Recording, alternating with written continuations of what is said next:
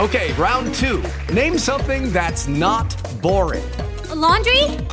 Ooh, a book club. Computer solitaire, huh?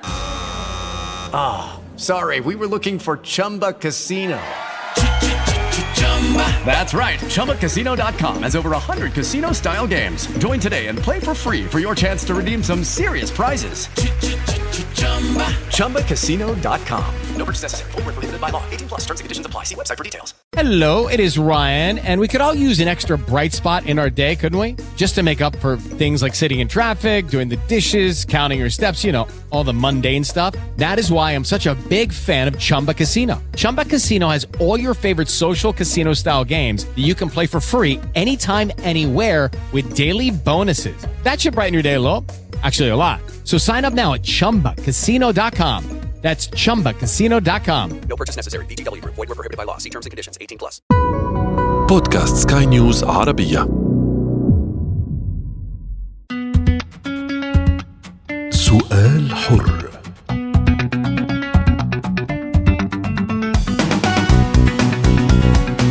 تعددت التحذيرات والاسباب والجوع واحد أزمات متلاحقة يشهدها العالم ألقت بظلالها بشكل سلبي على مستويات الجوع العالمية والتي ارتفعت بشكل غير مسبوق.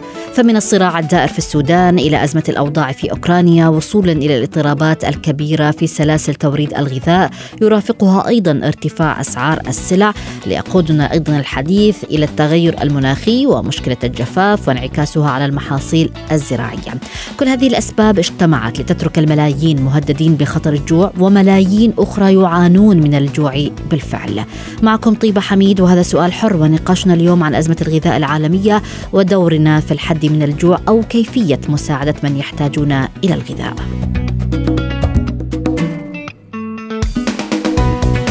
في آخر التقارير الصادرة للتحذير من خطر المجاعة نداء الاستغاثة من منظمة الصحة العالمية والتي حذرت من استمرار معاناة حوالي 350 مليون شخص حول العالم من الانعدام الحاد في الأمن الغذائي. وهذه المرة السبب مختلف تماما. زراعة التبغ هي السبب إذ زاد استخدام الأراضي الزراعية من أجل زراعة التبغ بنسبة 15% عن العقد الماضي. في هذا السياق أيضا دعت منظمة الصحة إلى التوقف عن دعم محاصيل التبغ ومساعدة المزارعين في المقابل على زراعة الغذاء والحد بذلك من انتشار الجوع في دول عدة. لم يقتصر الأمر عند هذا التحذير ونداء الاستغاثة فايضا منظمة اليونيسف أعلنت أن الصراع الدائر في السودان خلف نحو 14 مليون طفل بحاجة لمساعدات إنسانية عاجلة وهو أعلى رقم يتم تسجيله على الإطلاق في البلاد منذ نحو بدء الصراع الدائر هناك قبل نحو شهرين. تطالب المنظمة الدولية بتقديم أكثر من 800 مليون دولار لمعالجة أوضاع الأسر والأطفال والتقليل من حدة أزمتهم التي وصفتها بالكارثية. في السودان تتسع يوميا دائرة الذين يعانون من صعوبة الحصول على السلع الغذائية والتي تضاعفت أسعار بعضها بأكثر من أربع مرات. ويجب أن نكرر دائما هذه المعلومة ونذكرها مجددا وهي بحسب العديد من المنظمات كل أربع ثوان يموت شخص ما في العالم بسبب الجوع.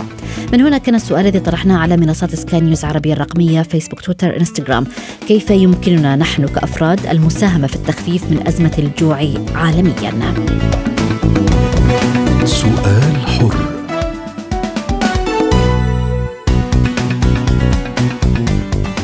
أقرأ من التعليقات الواردة إلينا. لانا تقول تربية الأجيال على الاستهلاك الصحيح للأكل وليس التبذير. تنظيم التبرعات الدولية بشكل دائم وترشيد الاستهلاك في المطاعم.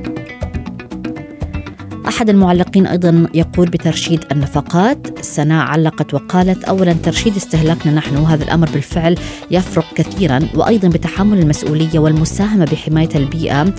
كل أمر صغير نقوم به له مردود كبير وأيضا التبرع على قدر المستطاع للمنظمات وأيضا مساعدة الأشخاص في الأماكن الفقيرة فإذا لم نستطع إطعام 100 شخص لنقم بإطعام شخص واحد على الأقل وهذا قد يساعد أيضا. محمد علق وقال المشكلة أنه ما حدا عم ياخذ الموضوع بشكل جدي يعني اللي متوفر عنده الطعام بياخذ هذا الموضوع بشكل مضمون وكأنه ضامن استمرار توفر الطعام وقد لا يشعر أيضا بمن هم آه، جائعين ولا يجدون قوت يومهم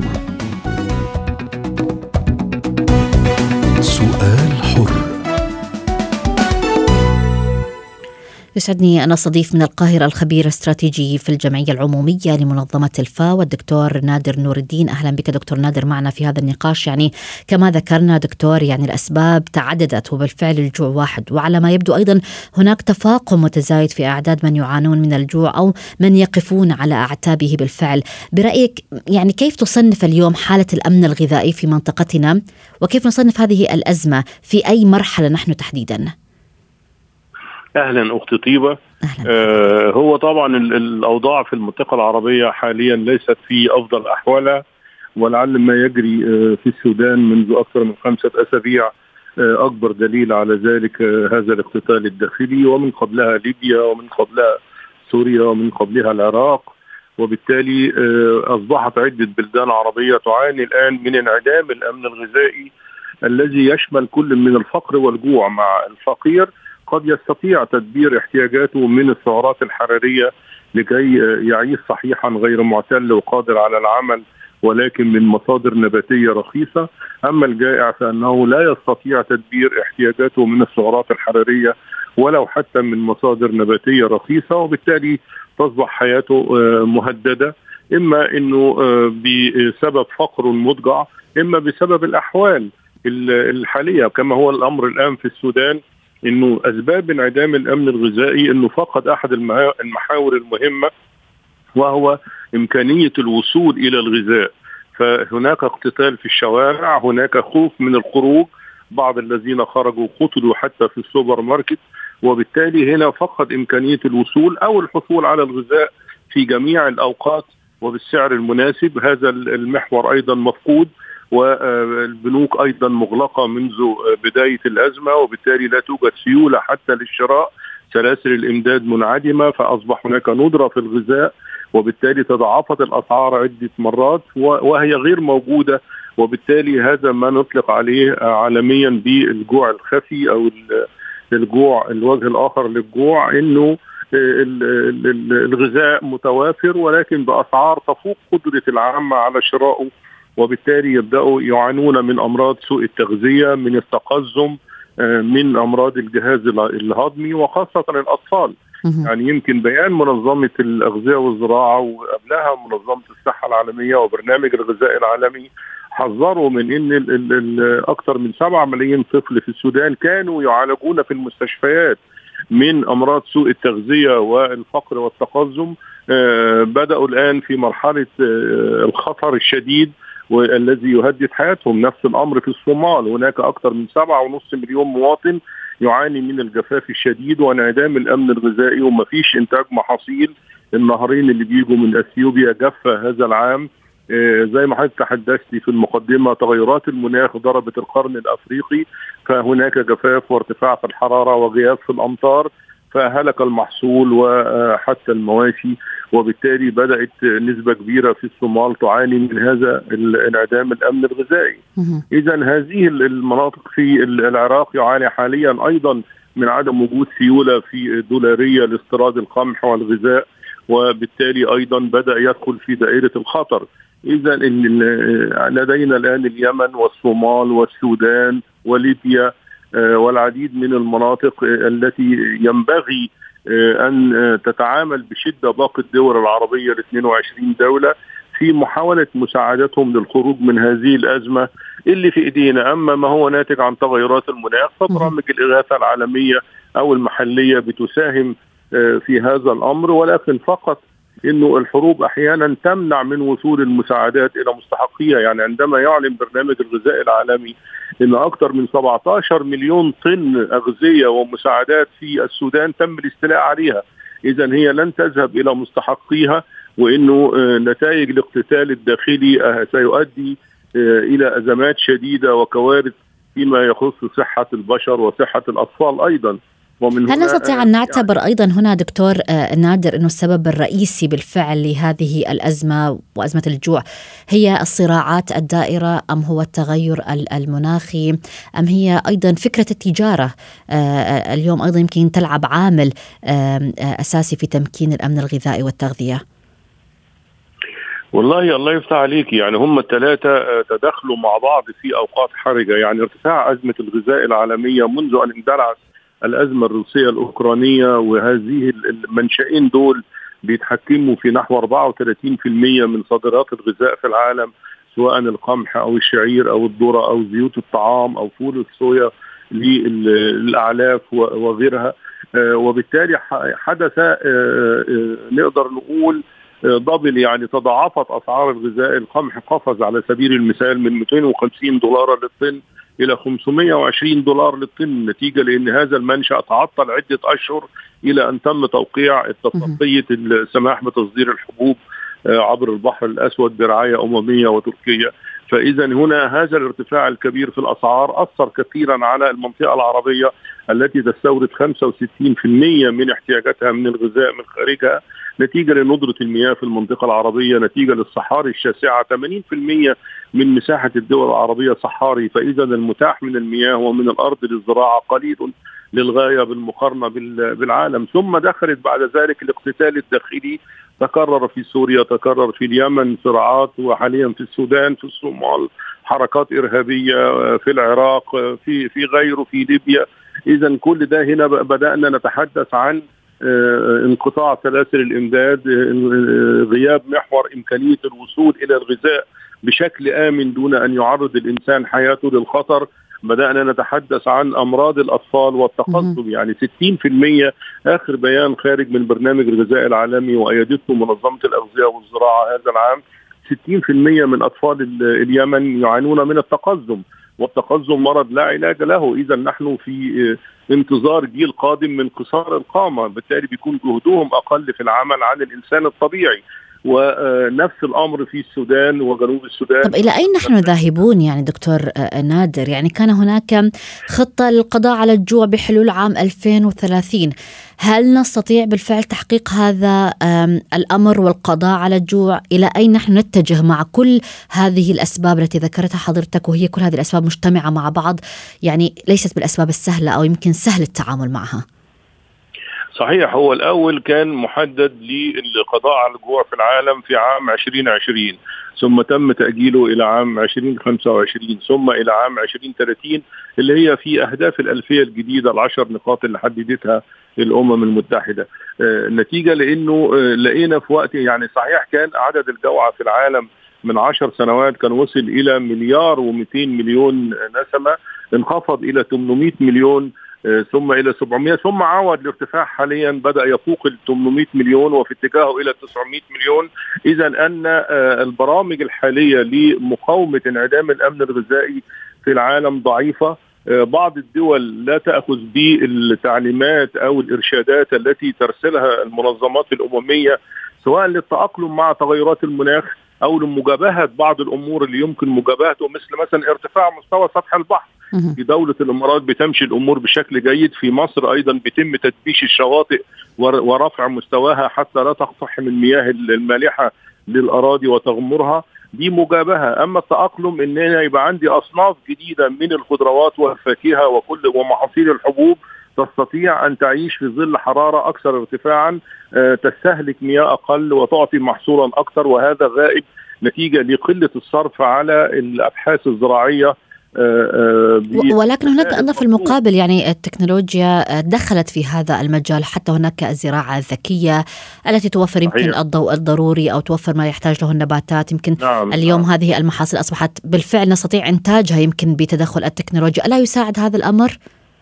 نعم وبدأنا أكثر كمان من الزراعة الذكية ال smart agriculture بدأنا نخش كمان في الزراعة الرقمية ال digital إنه بنجمع بقى كل اساليب الزراعة الحديثة مع الزراعة الذكية في تقنية واحدة إن إحنا مثلا في حالة ندرة المياه يبقى الصوبات الزراعية الحديثة اللي بتتعمل على مساحات كبيرة غير الصوبات التقليدية السابقة اللي كانت بتقام على مساحة صغيرة وبالتالي نستطيع أن ننتج منها الغذاء طول العام بدل ما كنا ننتجه في الشتاء فقط.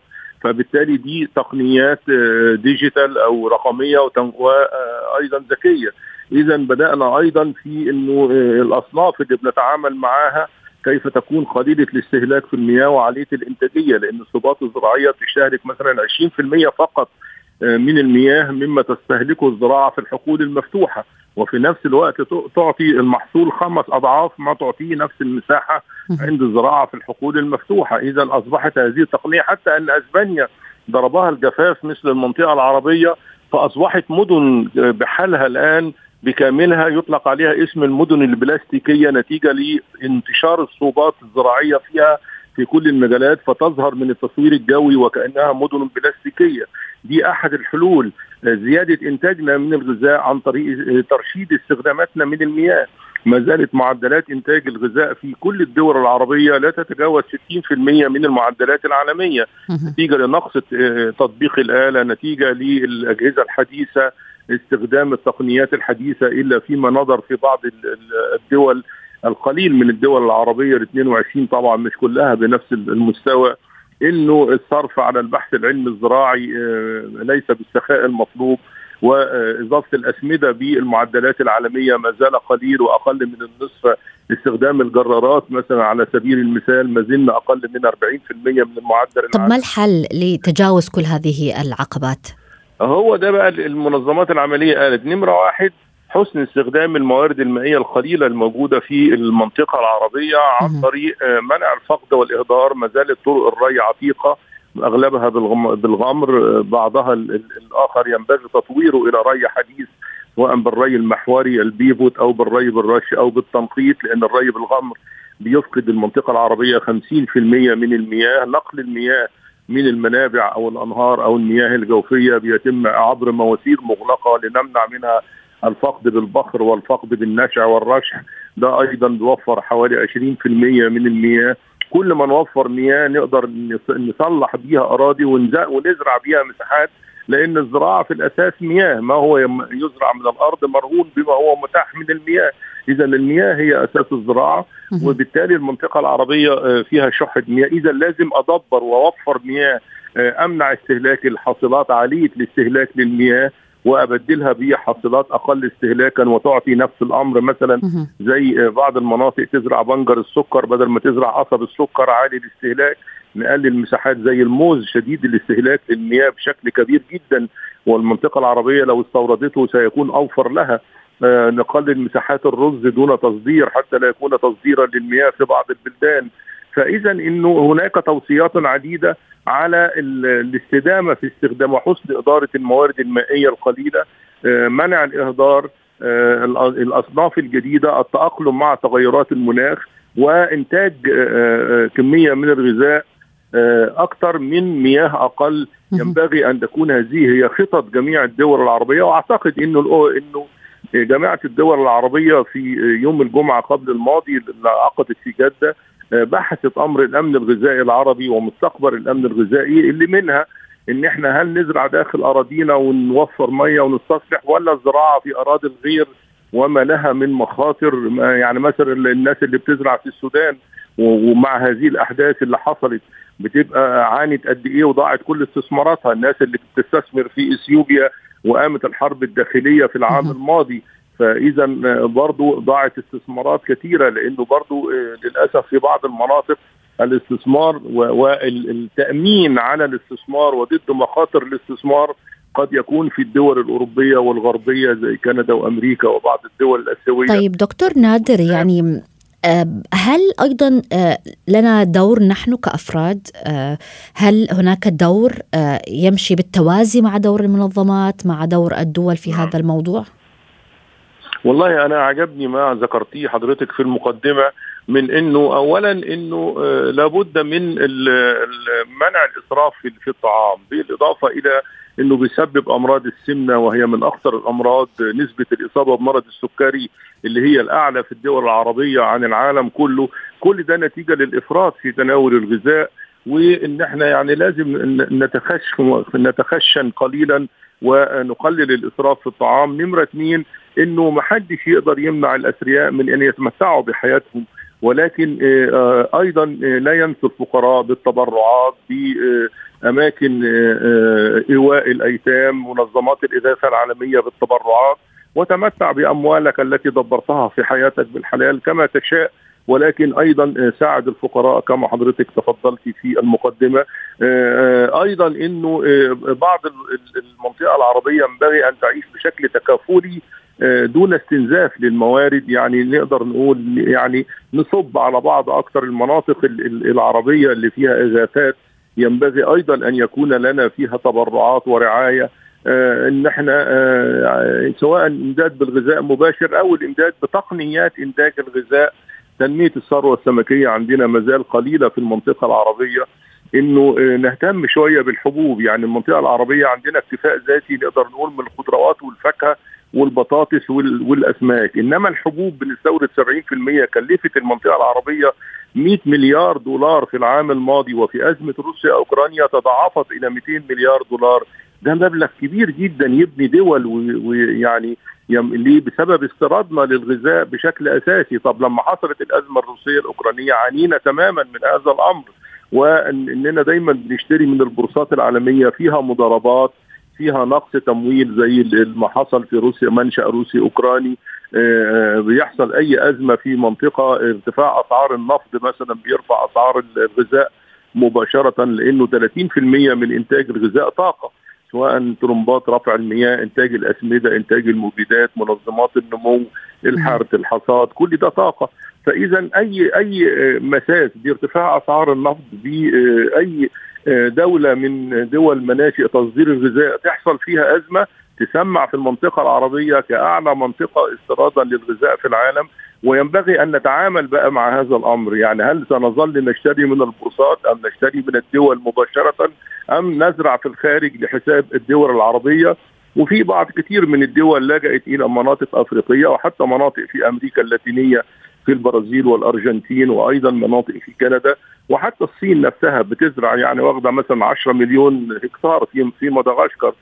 وهل هذه الأمور التي ذكرتها دكتور يعني نادر يعني هل بالفعل هي كفيلة وقادرة على معالجة هذه الأزمة أو الحد من الجوع في فترة زمنية قصيرة؟ شوفي أختي طيبة هي في أمور بتبقى مش تقصير من القائمين في المنطقة العربية إنما إجباري يعني زي ما قلت لك عندما تكون 80% من مساحة المنطقة العربية نعم. صحاري عندما تكون الدول العربية بتمثل خمسة ونص في المية من عدد سكان العالم إنما بتتلقى 2% فقط من المياه. عندما تكون بتمثل 10% من مساحة العالم الدول العربية ولكن تستقبل 1% من الأمطار. إذا هنا الجفاف ده خارج عن إرادتي إحنا في منطقة جافة شديدة الحرارة ولا يمكن في يوم من الأيام حنتحول إلى منطقة رطبة ممطرة نعم. وبالتالي علينا أن نتعايش إذا هنا مش تقصير لا عندنا مية كفاية ولا عندنا تراب زراعية ولا عندنا أمطار نزرع عليها نعم. إلا في تونس والجزائر بعض المناطق في الجزائر والمغرب نعم. فإذا هنا نبدأ ندبر أحوالنا بقى إن أنا أنمي إنتاجي من الغذاء من المياه القليلة ترشيد الاستخدامات حسن إدارة الموارد المائية ثم احسن بقى القرار اللي كل مرة ناخده هل نعم. نستثمر مثلا في دول وفرة مائية أرضية زي موريتانيا كانت العراق قبل الحصار والحروب الأخيرة نعم. اللي كانت فيها كانت السودان كانت مصر اذا نعم. نستطيع إن إحنا ندبر أحوالنا ويجب أن نبحث وبدقة مستقبل. الأمن الغذائي العربي كما يبحث العالم وهذه في عام 2050 وأيضا مستقبل نعم. أمن الطاقة في المنطقة العربية. وضحت الفكرة، شكرا لك على كل هذه التفاصيل، أسعدتنا بهذا اللقاء الدكتور نادر نور الدين الخبير الاستراتيجي في الجمعية العمومية لمنظمة الفاو. إلى هنا نصل وياكم مستمعينا الكرام لختام سؤال حر كنت معكم أنا طيبة حميد إلى اللقاء سؤال